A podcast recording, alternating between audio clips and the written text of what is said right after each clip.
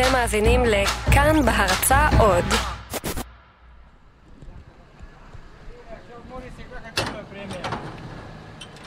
השעה תשע בבוקר ואנחנו במרכז תל אביב. מישהו הניח פה מכולת מתכת ענקית ויש סביבה מלא אנשים. אנחנו מנסים להוציא, לשבור את הפלומבה, זה סגר. סגר שבא עם המכולה ואנחנו צריכים לשבור אותו בשביל לפתוח. נאספו פה בערך 20 איש. כולם מעבירים משקל מרגל לרגל, מתרגשים, מדברים אחד עם השני בציפייה. מדי פעם מגניבים מבטים לדלת החתומה של המכולה. ואז... הדלתות של המכולה נפתחות. ובפנים זה מזכיר לי תא לחץ או צוללת. מכלי השמדה, אתה לא רואה מה זה? צינור כזה ארוך, שיש בפנים כל מיני דברים מוזרים. יש פה חלונות, זה צבוע בשחור בחוץ ואדום בפנים. זה לא צוללת, זה לא תא לחץ. זה לא רכבת וזה גם לא סתם חתיכת ברזל שנחתה פתאום בתל אביב. אנחנו נמצאים בכניסה האחורית למוזיאון תל אביב לאומנות, וכל העובדים יצאו הבוקר החוצה בהתרגשות. כי סוף סוף הגיע משלוח שהם חיכו לו והתכוננו לו וייחלו לבואו שנים. על פניו זאת יצירת אומנות חדשה, שהגיעה מעבר לים, והיא הולכת להיות מוצגת לראשונה בתערוכה ענקית ומדוברת. אבל בפועל, בתוך המכולה הזאת היה נושא הסמוי. לצד היצירה המסתורית, התחבא בה גם הימור רציני על עתיד המוזיאון בשנים הבאות.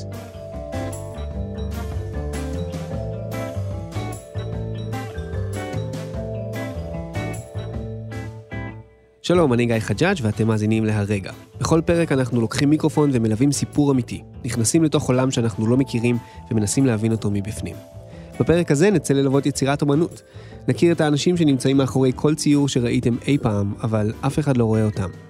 ומדי פעם נצא לרגע מהסיפור כדי לנסות לענות על חתיכת שאלה ענקית. איך אפשר להבין אומנות? קו 82 לכיוון כרמלית, תל אביב. הסיפור שלנו מתחיל בקיץ האחרון ברחוב קינג ג'ורג' בתל אביב, ליד גן מאיר בתחנת אוטובוס. הסיבה שבקיץ כל כך קשה לתפוס צל בתחנות האלה, היא שהחברה שבנתה אותן היא חברת פרסום, והיא בנתה את התחנות ככה שיהיו כמה שיותר שקופות, כדי שלא משנה איפה תעמדו סביב התחנה, לא תוכלו לפספס את החלק המרכזי שלה. פוסטר פרסומת ענקי שרואים מכל צד. בדרך כלל מפרסמים שם משקה פירות, טלפון חדש או מכונת אספרסו, דברים כאלה. אבל בקיץ 2017 הוציאו את הפוסטרים האלה מהתחנה בקינג ג'ורג' ומכמעט כל תחנה אחרת בתל אביב, ושמו במקומם פוסטר שבדרך כלל לא רואים בדרך לאוטובוס. פוסטר אדום בוהק, אדום דם, עם צללית ענקית של עכביש. כל העיר, לאן שלא הסתכלתם, התמלאה בעכביש שחור מפחיד, על רקע אדום מפחיד, על עשרות אם לא מאות תחנות אוטובוס, על לוחות מודעות, על שלטי חוצות בכל העיר. ובכולם אותו כיתוב, תערוכה של לואיז בורז'ואה.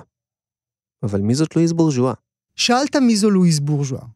לואיז בורז'ואה זה היה סימן שאלה אחד גדול לרוב האנשים. זה גואל פינטו, הוא מגיש את התוכנית גם כן תרבות, בכאן. כבר עשרות שנים הוא עוסק בתרבות ואומנות. הוא מבין באומנות. הבנתי שיש בפוסטר משהו יוצא דופן, אבל לא ידעתי מה. אז הלכתי לשאול אותו. התשובה הייתה לו ברורה לגמרי.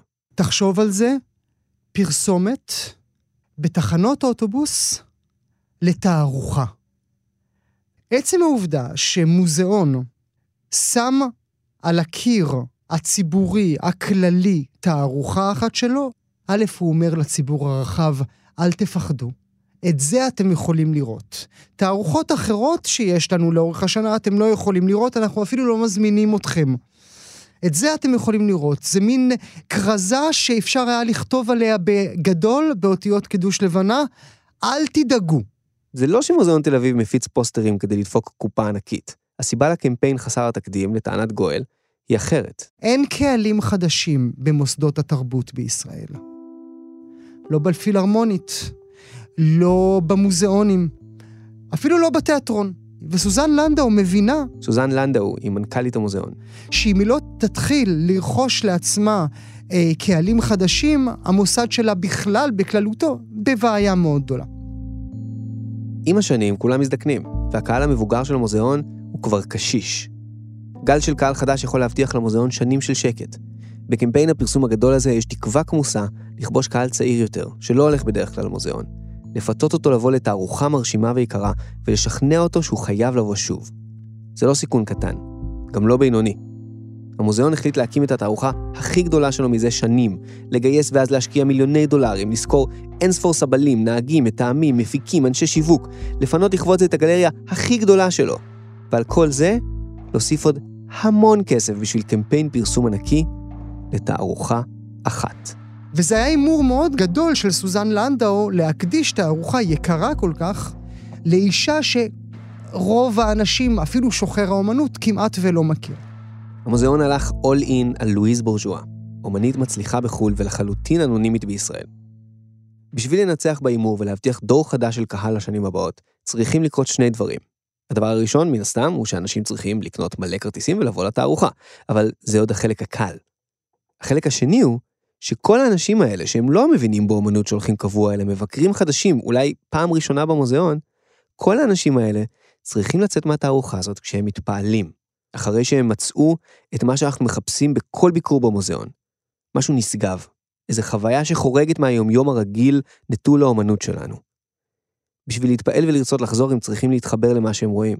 הם צריכים להתרגש ממה שהם רואים. הם צריכים, וזאת מילת המפתח כאן, להבין את מה שהם רואים. לא בדיוק דבר ברור מאליו באמנות עכשווית, הרי כמה פעמים עמדתם מול יצירה במוזיאון והתרגשתם בטירוף, וכמה פעמים הסתכלתם וחשבתם, מה זה הדבר הזה? באמת, אני חושב שכל מי שהלך למוזיאון בחייו נתקל בזה הרבה יותר מפעם אחת. אתה עומד מול משהו שאמור להיות uh, ציור, או גרוע יותר מיצב, וזה נראה לך סתום. לא יפה, לא ברור, פשוט... מה זה? אז אני תוהה, כמה זה יעלה למוזיאון תל אביב לאומנות, אם כולנו נגיע לתערוכה של לואיס בורז'ואה, נסתכל על היצירות, ואז נחשוב, מה זה? במרכז התערוכה של לואיס בורז'ואה עומדת יצירה משונה מאוד. יצירה שיש סיכוי גבוה מאוד שנסתכל עליה ונתהה, מי החליט שזאת אומנות? יצירה שחלק גדול מההימור מונח עליה. אז החלטתי ללוות אותה בדרך הארוכה שלה מאחורי הקלעים, עד פתיחת התערוכה, ולראות מה יקרה. ועל הדרך, גם לנסות להבין אותה בכל זאת. בשביל זה נסעתי ביום רביעי אחד, מוקדם מאוד בבוקר, למקום ש... פייר, לא חשבתי שתתחיל בו התערוכה הבינלאומית הגדולה של השנה. נמל אשדוד.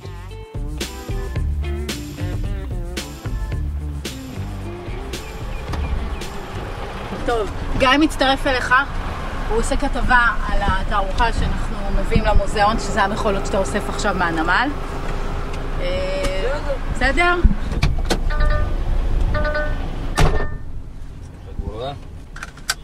אני יגאל, אני נהג משאית בגלובוס.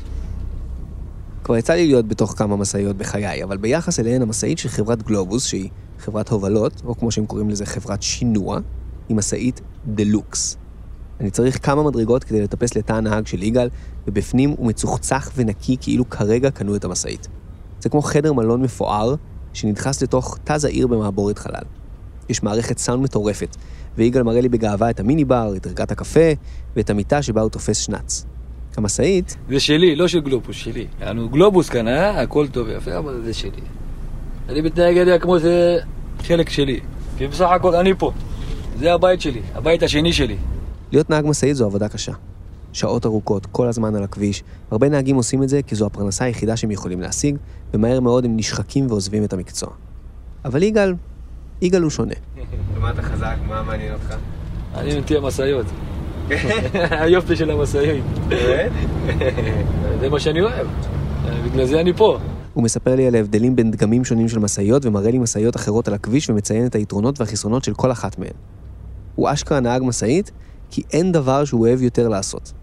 ובאמת ניכר שהוא מפיק הנאה עצומה ברמת ההערה הרוחנית מלנהוג במשאית. שקט, אתה עם עצמך לבד. לא כאבי ראש, לא תעלה, תרד. יש לי רדיו, יש לי שירים הודיים שאני שומע. הודי, אתה הודי? אני הודי, כן. אנחנו נוסעים ביחד מהמחסנים של גלובוס באשדוד לנמל אשדוד, שהוא כמו עיר מוזרה וענקית שמורכבת רק ממכולות צבעוניות. אנחנו הולכים לאסוף מכולות שהמוזיאון הזמין מהסטודיו של לואיס בורז'ואה בארצות הברית. זאת התחנה הראשונה שלהן בארץ. אתמול הם הגיעו באונייה, והיום אנחנו אוספים אותן. במסוף יש רעש קבוע ואינסופי של משאיות עומדות ומנופים זזים, וחם שם לאללה, גם מוקדם בבוקר. יש שם אך ורק גברים, כולם עם וסטים זוהרים, ויש להם שפה מיוחדת של סימוני ידיים, צפצופים באוטו ומחוות, כדי לתקשר בין הנהגים בתוך המשאית לעובדים שעל הקרקע. עובד אחד בווסט זוהר מכוון אותנו למסדרון בין השורות הגבוהות של המכולות. בקצה שלה אנחנו רואים מנוף ענקי, שמחזיק גבוה גבוה באוויר מכולה. המכולה שלנו. עכשיו יושב פה. עכשיו אני מחכה שהוא ישתחרר. הוא ישתחרר, אני נוסע. באנו, שמענו מוזיקה הודית, ניצחנו. המכולה בידינו. יגאל הוא אה, עובד גלובוס מסור מאוד וזה, אבל הוא ממלא את המשימות שלו. אתה צריך להביא מכולות מהנמל, הוא נוסע, הוא מביא את המכולות מהנמל. ההתרגשות היא שלנו, לגמרי. זאת לילי כהן, היא מנהלת את מחלקת האומנות בחברת גלובוס. יגאל הוריד את המכולה ואותי במשרדים שלה. מסתבר שזה לא שהמוזיאון פשוט מרים טלפון למישהו בחו"ל ואומר, הלו, אתה יכול לשלוח לי ארבע פיקאסו ואחד ואן גוך, שים פצפצים. יש אנשים, כמו לילי, שכל העבודה שלהם בחיים זה להעביר אומנות מארץ אחת לאחרת. נגיד, את האומנות של לואיז בורז'ואה. תקשיב, אנחנו המחלקה הכי קטנה בגלובוס מבחינת המחזור מכירות, אבל אנחנו הכי משמעותיים, עושים הכי הרבה רעש. אנחנו הדובדבן על הקצפת. כולנו פה, כל, כל המחלקה, כל הבנות, גם האנשים שלנו, אנחנו פשוט, אה, אנחנו אוהבים את זה. רוב המשרדים בגלובוס נראים כמו סתם משרדים רגילים, אבל המשרד של לילי מכוסה פוסטרים וקטלוגים. הכל תערוכות שהיא הובילה אליהן יצירות. אוסף של אה, ידסה אנדלס, של כל הבובות שהוצגו בביתן הלנה. היא זוכרת בהתלהבות פרטים של כל תערוכה ותערוכה שהיא הובילה. של אנדי וורהול, כל התערוכה. אה, הקיפר, שבירת הכלים שפתחה... בניגוד לעובדים אחרים של גלובוס שפגשתי, היא גם הולכת לבקר בתערוכות עצמן. את הקלסרים של המסמכים שלה היא שומרת בארון, שהיה פעם ארגז משלוח מיוחד של יצירות אומנות. זאת לא רק לילי ששונה מכל שאר המחלקות בגלובוס. אפילו הסבלים שלה. זה לא רק סתם אנשים של גלובוס, זה אנשים שהם צוותי אומנות. זה מומחיות, זה בדרך כלל אנשים שעובדים הרבה מאוד שנים. יש להם את הרגישות, את הסובלנות, את, ה... את היד המתאימה לטפל בחפצי אומנות. אני הגעתי בכלל מעולם השילוח הבינלאומי, וכשהגעתי לגלובוס, אמרתי, הציעו לי להיכנס למחלקת אומנות. אמרתי, מה יש כבר לעשות באומנות? איזה אומנות כבר, מה יש לנו פה בארץ? אנחנו לא ניו יורק, או ברלין, או לונדון. אבל עם העבודה באה תיאבון, ולאט לאט, במקום להסתכל רק על טפסי המשלוח, התחילה להסתכל גם על האומנות עצמה. והיא מצאה את עצמה הופכת לאישה אחרת. הייתי חופשי מוותרת על מוזיאונים כשהייתי מטיילת בחו"ל. היום אין מצב שאני אדע שיש איזו תערוכה מעניינת ואני אהיה שם ואני לא אכנס. אין מצב. זה, אני כבר עוצרת ואני קוראת את התוויות על עבודות, כי גם כתוב, כאילו, של מי זה. אז רגע, אני מכירה, עבדתי מהם, הבאנו מהם פעם לארץ, שלחנו אליהם משהו. בגלובוס, אגב, אומנות זה מונח רחב מאוד. אנחנו שולחים שבוע הבא את השולחן שבלפור חתם עליו את ההצהרה, את התא של אייכמן שהיה במשפט פה. הדברים שאנחנו מטפלים בהם הם דברים שהם נוגעים לכל אחד מאיתנו, זה לא רק, אה, רק מי שאוהב את פיקאסו, את שאגאל או... גולת הכותרת היא מגילות ים המלח. פריט מבוקש מאוד במוזיאוני העולם. המגילות הן פרינססה, הן לא סתם טסות בארגז. יש עובד ברשות העתיקות שהתפקיד שלו זה לקחת את המגילות בעצמו לכל טיסה וטיסה שלהן. ומזמינים לתיק של המגילה כיסא נפרד, אקסטרה סיט. הוא יושב, הוא חגור. עד שזה לא מגיע למקום, פעימות הלב שלי הן ברמה אחרת. האומנות של לואיז בורז'ואה היא אמנם לא פרינססה כמו מגילות ים המלח, אבל היא עדיין אומנות יקרה ומורכבת מאוד לשלוח מעבר לים. בארצות הברית הגיעו לסטודיו ושלחו אותם בחברת ספנות בים עד לישראל. כמה זמן זה לא? בערך 30 יום, 28 ימים. ההפלגה, האונייה שיצאה מארצות הברית עצרה באיטליה, פרקו אותה מהאונייה, העלו אותה לאונייה אחרת שנוסעת לתל, לאשדוד. זה כמו שיש לך קונקשן בטיסה. הבוקר באדיבות יגאל והמשאית שלו, היצירה הגיעה ללילי במחסנים של גלובוס. היא מתה לראות אותה, אבל היא לא יכולה לפתוח את המכולה.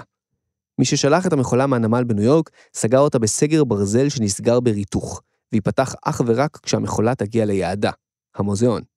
זה קצת כמו חותם של מלך על מכתב, אם הסגר מגיע שבור, אתה יודע שמישהו פתח את המכולה בדרך.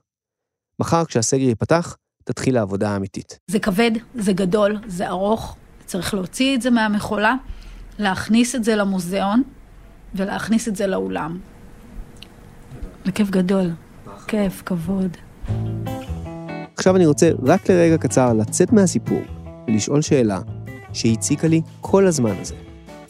איך מבינים אומנות שאנחנו לא מבינים? רוב הציורים בהיסטוריה, למשל, החל מציורי מערות של האדם הקדמון ועד האימפרסיוניסטים של סוף המאה ה-19, שזה עשרות אלפי שנים, היו מובנים. ראינו בהם צורות של חיות, או אנשים, או חפצים, או נופים. גם אם הם תיארו יצור דמיוני לגמרי, יכולנו להבין מה אנחנו רואים. אבל זה לא המצב היום. הרבה פעמים אתה נכנס למוזיאון, מסתכל על ציור ואומר, אני לא מבין כלום. זה משהו שהוא חדש לחלוטין. הוא חדש לחלוטין, הוא בן קצת יותר ממאה שנה. זאת דוקטור ננה אריאל. היא כותבת וחוקרת ובדיוק חזרה ללמד באוניברסיטת תל אביב אחרי שנה בהרווארד. רציתי שתסביר לי למה אני נתקל באומנות שאני לא יכול להבין.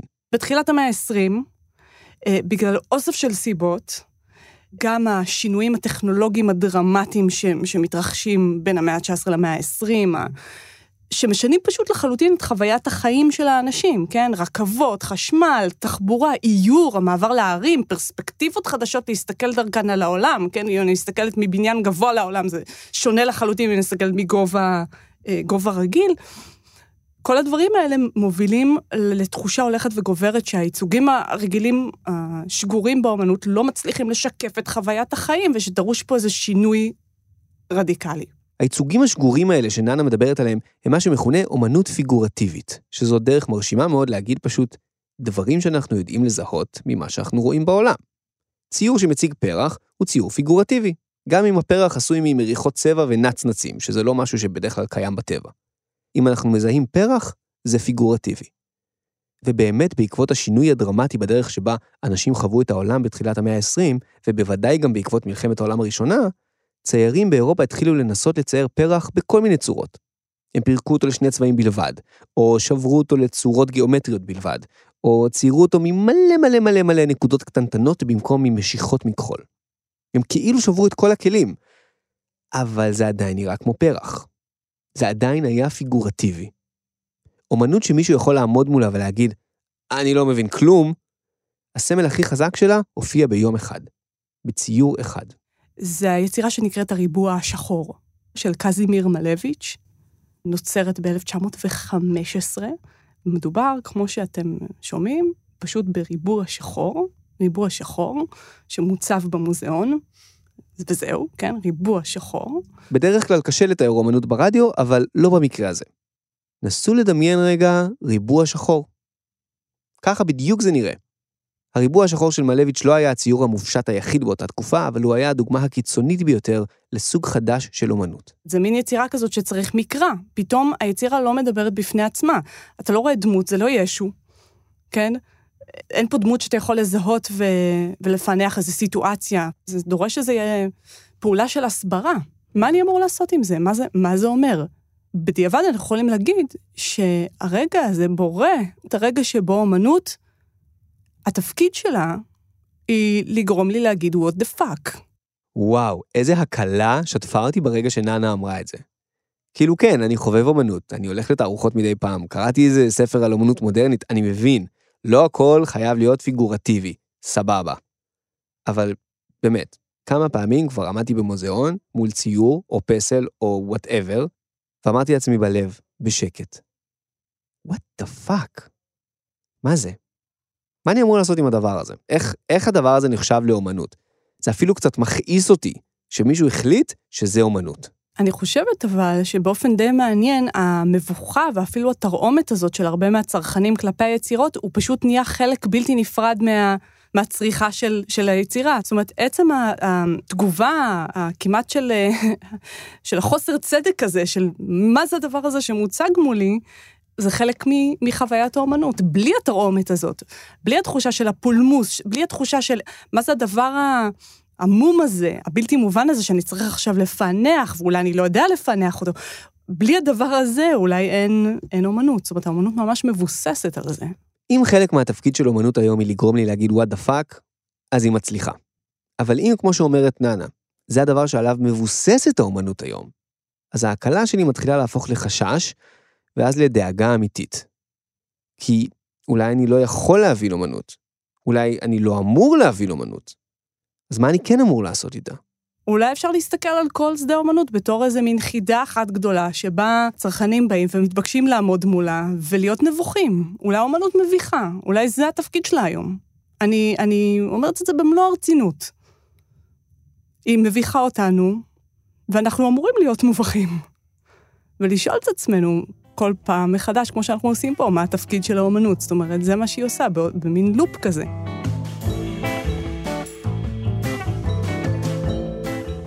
עוד רגע נגלה מה קרה כשהיצירה הזאת הגיעה סוף סוף למוזיאון תל אביב. אבל לפני זה, הנה משהו קטן. כבר חוזרים. שלום, כאן רום, מה העניינים? כיף שאתם איתנו על הרגע, התוכנית החדשה שלנו. ואם אתם כבר פה, רציתי להזמין אתכם לעקוב גם אחרי הפודקאסט האחר שלי, שיר אחד. זו תוכנית שבה אנחנו מספרים את הסיפורים שמאחורי שירים ישראלים. למשל, מכירים את רכבת לצפון של אסף אמדורסקי?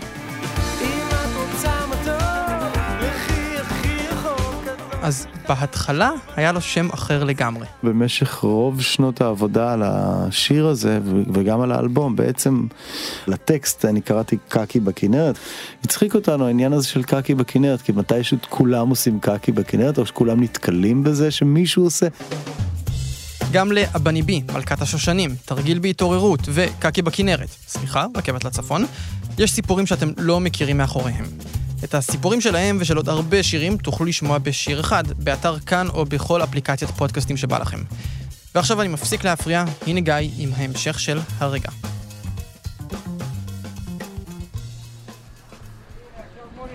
אתה כבר מקליט? כן. אז אה, אני שחר, שחר מולכו עוצר את המשנה של התערוכה.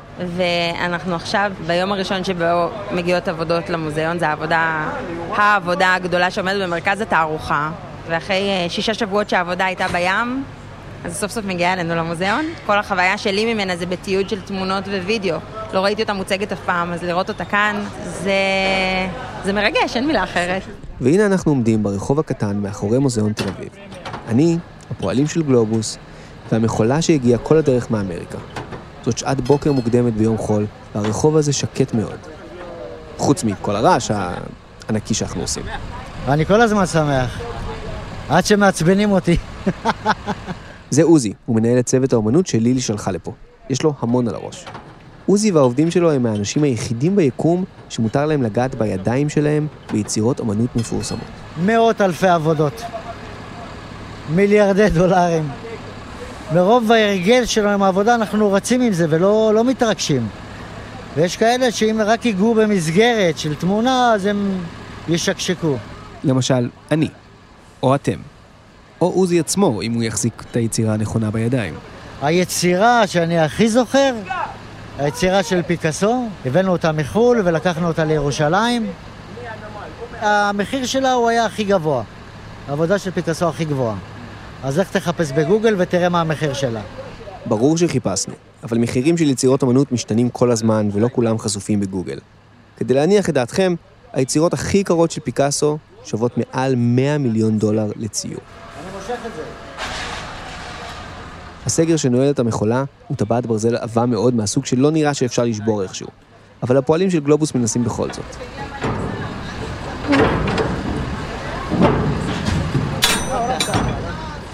בתוך המכולה יש צינור ברזל ענקי, שממלא כמעט את כל המקום בפנים.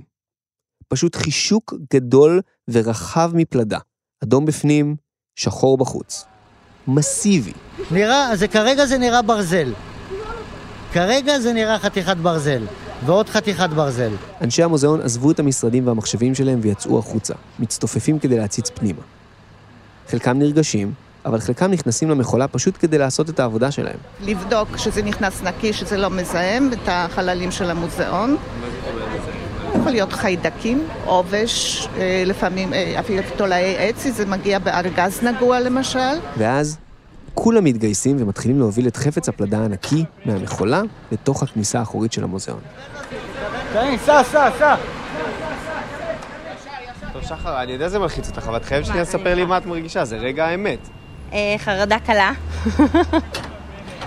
זה אנשים, ש... אנשים שאנחנו ממש ממש סומכים עליהם והם סופר מקצוענים, אבל אה, חרדה זה אינרנטי לתהליך. לקרוא למעלית? כן. זהירות. רגע האמת, מעלית היצירות. ירדנו בקומה מינוס שתיים בבניין החדש של אה, המוזיאון. זה האולם של הגלריה, זה הקומה של הגלריה, ועכשיו אנחנו יוצאים מהמעלית מסע ומשנעים בדרך לגלריה.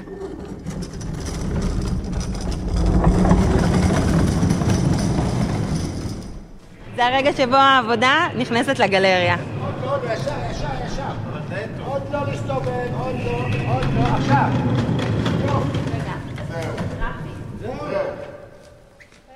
כל הדרך מהסטודיו של לואיז בורז'ואה בניו יורק, אחרי חודש שלם בהפלגה בים, אחרי קונקשן באיטליה, אחרי עצירה באשדוד, יצירת האומנות הראשונה והגדולה ביותר של התערוכה הגדולה והיקרה של השנה, הגיעה לביתה החדש, גלריה אלשטיין במוזיאון תל אביב.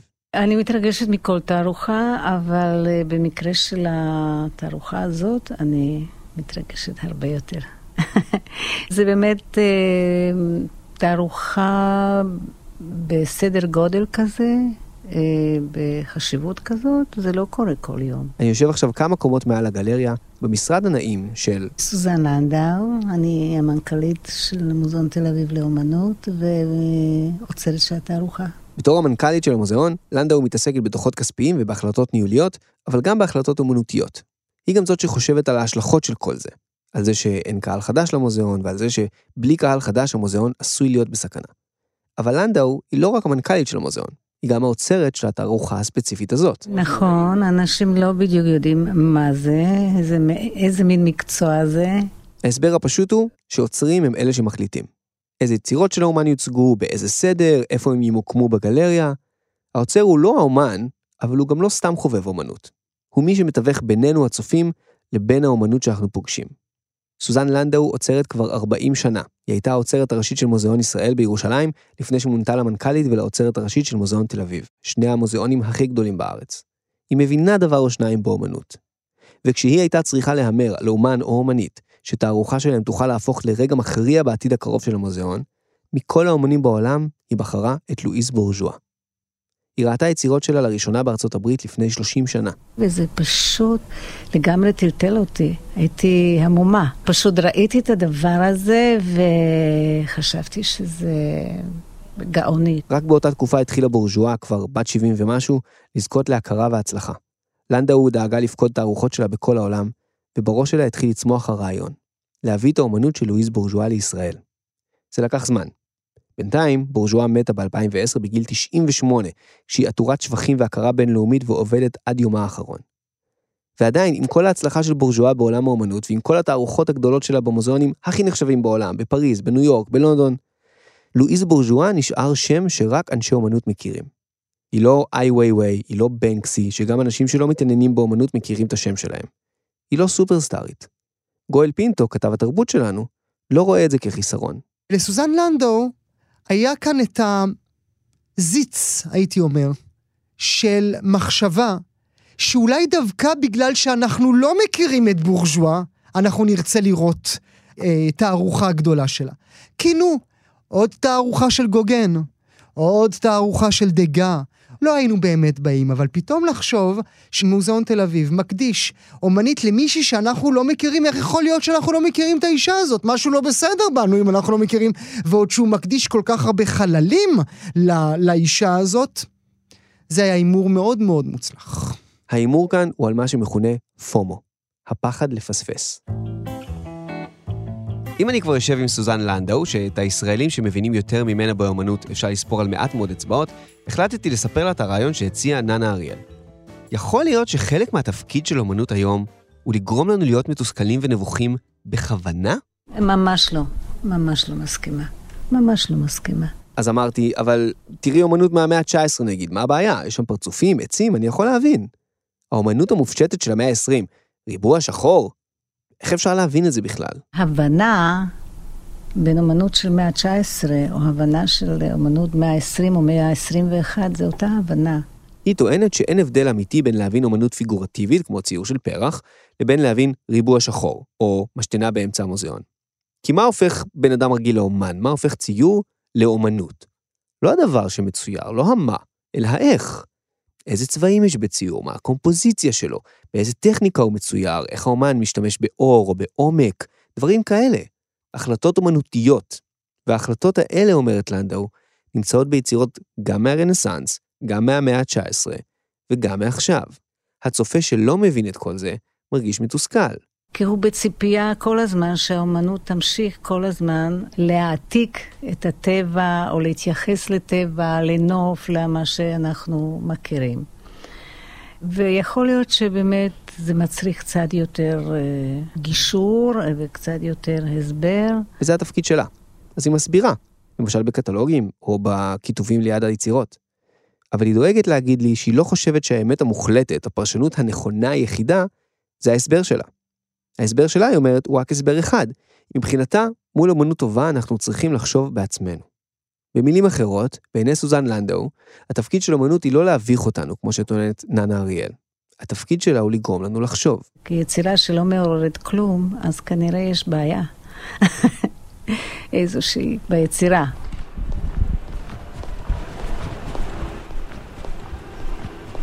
יום ראשון, שלושה ימים אחרי שהגיעה היצירה למוזיאון, ועכשיו אמורים לפתוח את הניילונים ולרשום את כל היצירות ולקבל אותן בעצם רשמית למוזיאון. אני יורד במדרגות הנאות לכיוון גלריה אלשטיין. נחמד. סך הכל נחמד. במוזיאון תל אביב על הבוקר. בגלריה הריקה מונח הגליל הענקי מפלדה, ועוד אחד דומה לו, ויש פה ארגזים ומשטחי עץ, והכל עטוב בשכבות על גבי שכבות של ניילונים מרשרשים, כמו רהיט חדש שצריך לפתוח ולהרכיב.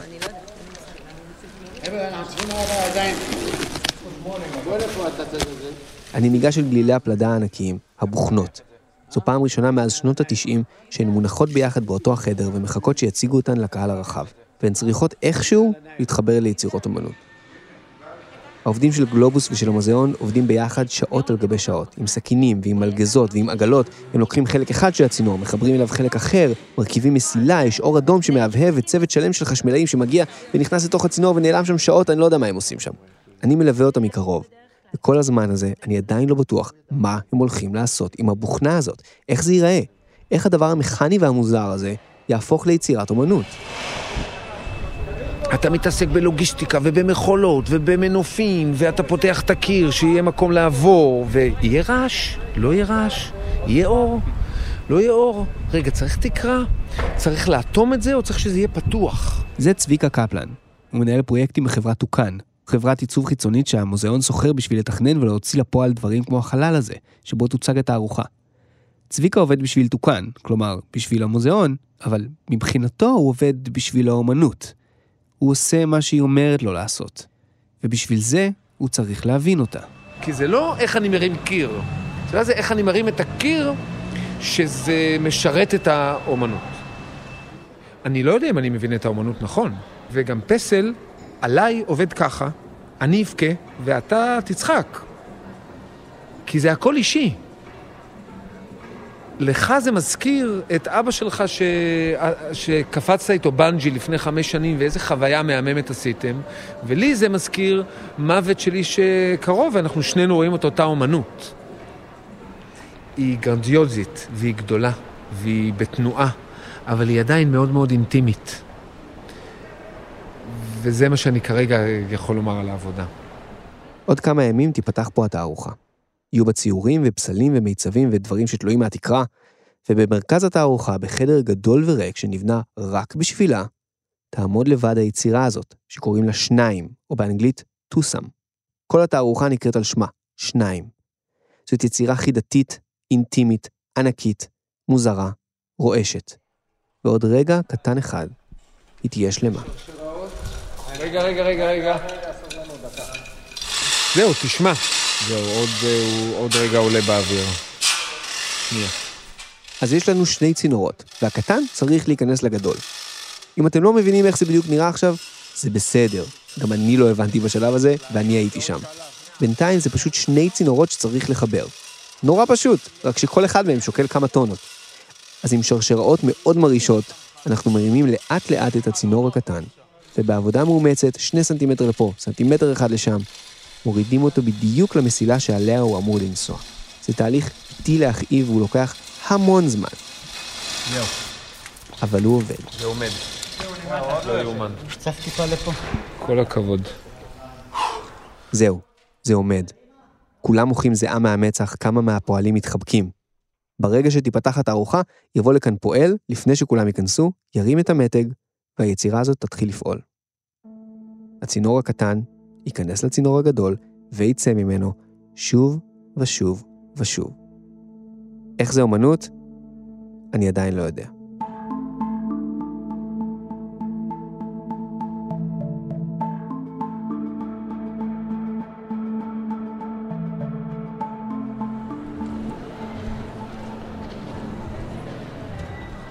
הרגע הגדול הגיע ואנחנו בערב הפתיחה.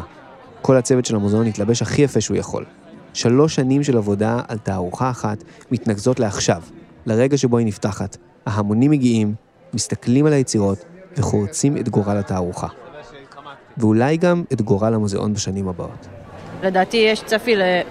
בוא נגיד אלפיים איש, יש על זה באז חזק, אז נראה לי שיהיו הרבה מאוד אנשים. אחרי שסוזן לנדאו אומרת כמה מילים חגיגיות, הקהל הרב נכנס לתוך הגלריה.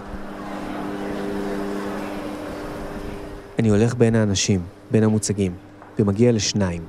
בפעם הראשונה אני עומד לראות אותה שלמה, מחוברת לחשמל, זזה כמו שלואיז בורז'ואה רצתה שהיא תזוז. היא עומדת בחדר שבנו בשבילה. הקירות של החדר צבועים בגוון ספציפי מאוד של תכלת, שנציג מהסטודיו של בורז'ואה בניו יורק הגיע לפה כדי לבחור במיוחד. את התקרה אי אפשר לראות בכלל באור העמום הזה שבחדר. הרעש שאתם שומעים ברקע הוא הרעש של יצירת האומנות הזאת שהיא פועלת.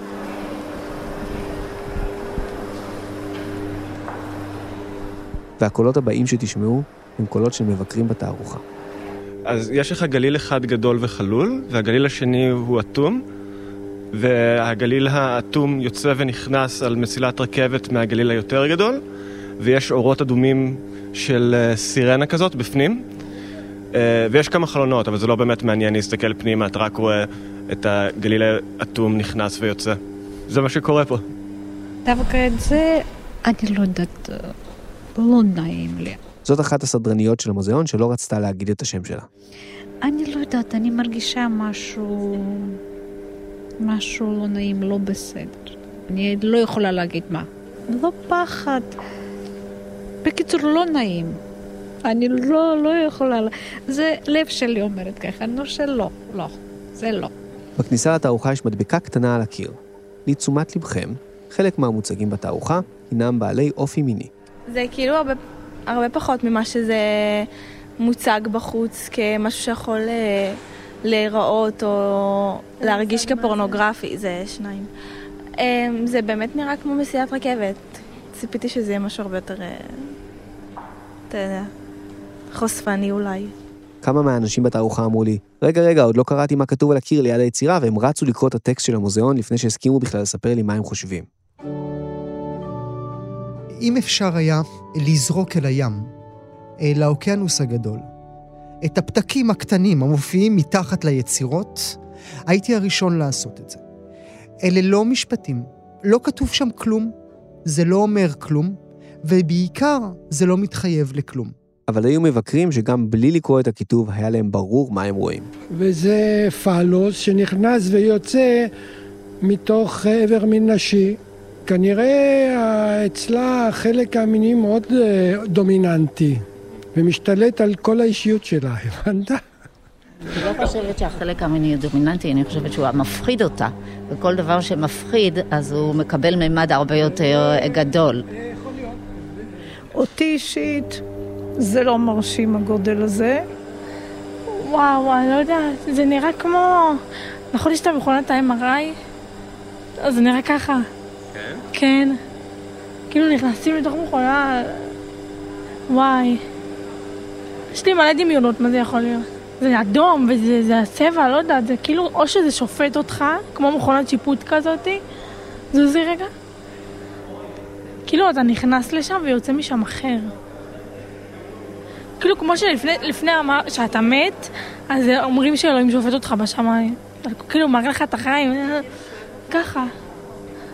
אני חושבת שאנחנו בזמן השואה, וזה שואב יהודים, אלוהים ישמור.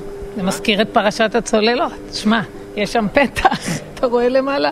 זה יכול להיות גם צוללת, שמישהו נכנס לתוך איזשהו מכל סגור והוא עם עצמו. בית הוא סוג של צוללת, אתה מתנתק מהסביבה החיצונית, נכנס פנימה, ומה שקורה בפנים אף אחד לא יודע. אני כאילו מחפש, שאני אומר שאני כצופה, אני לא צריך להבין, לא צריך להבין באומנות בשביל ליהנות מדבר. ופה אני לא מבין. לא, אבל זה בסדר, כנראה שאני רואה שזה בהרבה תערוכות ככה, אז כאילו, התרגלתי לזה. אז איך אנחנו מבינים אומנות שאנחנו לא מבינים? יכול להיות שהתפקיד של אומנות היום הוא באמת לגרום לנו מבוכה ותסכול, ולהשאיר אותנו אבודים, נטולי משמעות מול איזה ציור שאין לנו מושג מה לעשות איתו. אבל אפשר גם לא להישאר אבודים מול יצירת אומנות. אפשר גם להתאמץ קצת, לעמוד מולה, לשוחח עליה עם מישהו, להתווכח עליה. אולי אין משמעות אחת, אבל ליצירה טובה, כמו שאמרה לנו סוזן לנדאו, יש משמעות. צריך רק לחשוב עליה. בימים שאחרי פתיחת התערוכה ביקרתי בה שוב ושוב, ועדיין, אחרי המון שעות מול היצירה הזאת, שניים, הרגשתי שאני לא כל כך מבין אותה. אז רגע לפני שנפרדתי מהבוכנה ומהתערוכה כולה, מיוצרים ומדוקטורים לאומנות, הייתה לי תחושה שכדאי לי להזמין את חבר שלי, ניסן. אז בלי לספר לו הרבה, פשוט הזמנתי אותו לבוא איתי למוזיאון. זה, זה נורא מזכיר uh, בולבול של כלב. משולב uh, עם הרכבת הקלה, עם המודל של הרכבת הקלה ברוטשילד, וגם גולם של פרפר, וגם קליע של uh, אקדח, וגם בטריה, וגם פצצה, וגם קפסולת זמן. ניסן הוא מתכנן ערים. בתור מתכנן ערים, מה שמעניין אותו הוא לא אומנות גבוהה שמנותקת מהעולם בחדר סטרילי בגלריה, אלא מה אנשים עושים עם הדברים שסביבם. וישר הוא מנפץ את כל הקדושה שהמוזיאון התאמץ כל כך לבנות כאן. קח את הקליע הגדול הזה ממתכת ושים אותו בכיכר רבין. ואז זה יהפוך למגלשה, כזה, אתה יודע, כמו טנקים כאלה, הוא פתאום מקבל משמעות אחרת לגמרי, הוא באמת בכיכר רבין הוא יקבל משמעות של כלי מלחמה. הביקור שלי עם ניסן הוא הביקור השישי שלי בתערוכה מאז שהיא נפתחה, ואף פעם לא עברה לי בראש המחשבה הזאת בכלל. אז אני שואל אותו, מה היית עושה אם היית מדריך בתערוכה הזאת? מה היית שואל את הקבוצה שלך? או יותר טוב, מה אני או כל מבקר אחר צריך לשאול את עצמו כשהוא נכנס לתערוכה חדשה? מה אתה רואה? מה אני רואה? מה אני שומע? מה אני מרגיש? קר לי? חם לי? האם יש צליל שמישהו ביקש שאני אאזין לו, איזשהו סאונד? תוך רגע ניסן הפך למדריך, ואני הפכתי לקבוצה של אדם אחד. אז אנחנו יכולים לשחק, אנחנו יכולים להשתמש אה, בכל כלי שיש לנו ביד, בין אם זה אה, פתקים, חפצים שנמצאים במרחב, או בטלפונים שלנו. דיברנו קודם על האפשרות אה, לצלם. בואו נצלם את הדבר הזה שאנחנו רואים עכשיו ונראה את ה-point of view של כל אחד מאיתנו, ודרך הנקודת מבט שלך אני יכול ללמוד משהו שאני לא חוויתי או לא ראיתי. זה נראה לי המקום הכי מעניין שבו נוצרות משמעויות. כי בעצם המטרה שלנו עכשיו היא ליצור משמעות, היא לצקת משמעות לרגע הזה שבו אנחנו נמצאים בו.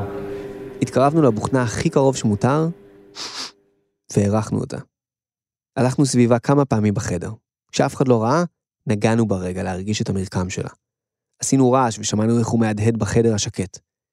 צילמנו את הבוכנה ממש ממש מקרוב, ודמיינו מה היינו חושבים אם היינו רואים את התמונה הזאת במגזין או באינסטגרם בלי כיתוב.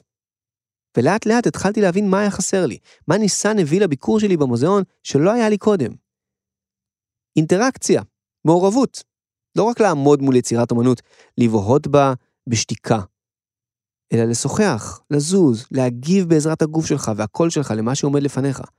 להפסיק להסתכל מבחוץ על היצירה, ולהתחיל לקחת בה חלק. תראה, זה ארגז כלים שיכול ללוות אותנו בכל מקום שבו אנחנו הולכים. הוא לא חייב להיות רק במוזיאון, הוא לא חייב להתקיים רק בתוך חלל מוזיאלי, הוא יכול להתקיים בכל חלל אה, יומיומי. וזה אולי חלק, זה, זה, זה אולי הדבר הכיף פשוט, לעשות עם, עם אומנות או עם חפצים. חפצי עיצוב או אומנות יפה. ליהנות להשתעשע איתם, פשוט זה איזשהו בית ספר לדמיון. כלי שלנו אה, להבין דרכו את המציאות שלנו. ולצקת בה משמעות, בין אם היא משמעות משחקית, או בין אם היא משמעות של למידה. אה, ומשמעות, אני חושב, משמעות מרפאה. מה זה אומר? משמעות מרפאה? כן. אה, אני חושב שמשמעות מאפשרת לאנשים, לנו כבני אדם, להיות יותר נוכחים ב, ב, במציאות, בעולם, ולהיות יותר פעילים בו, אה, ולהיות יותר בחמלה כלפיו. אה, ואם אומנות מקדמת משמעות או יוצקת משמעות או מאפשרת לנו לתרגל את חוש המשמעות שלנו, אז אה,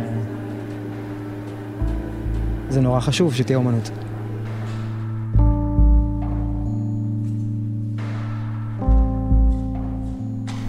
מה את מרגישה כשאת הולכת פה עכשיו, רגע לפני שהדבר הזה קורה? סיפוק אדיר. כן? כן. החלום לא מתגשם? ממש, כן, בהחלט.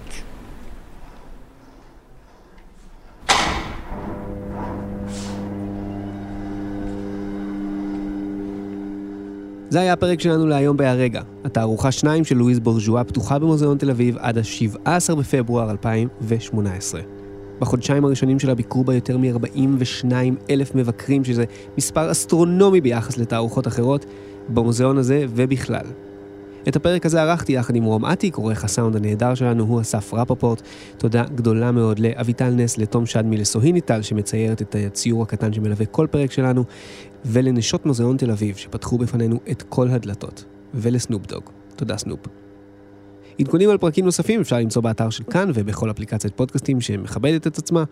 יש לנו גם ניוזלטר, אז תירשמו אליו אם נמאס לכם מפייסבוק, ואם לא נמאס לכם מפייסבוק, חפשו אותנו שם, אנחנו שם, קוראים לנו הרגע. אני גיא חג'אג', נשתמע בפרק הבא.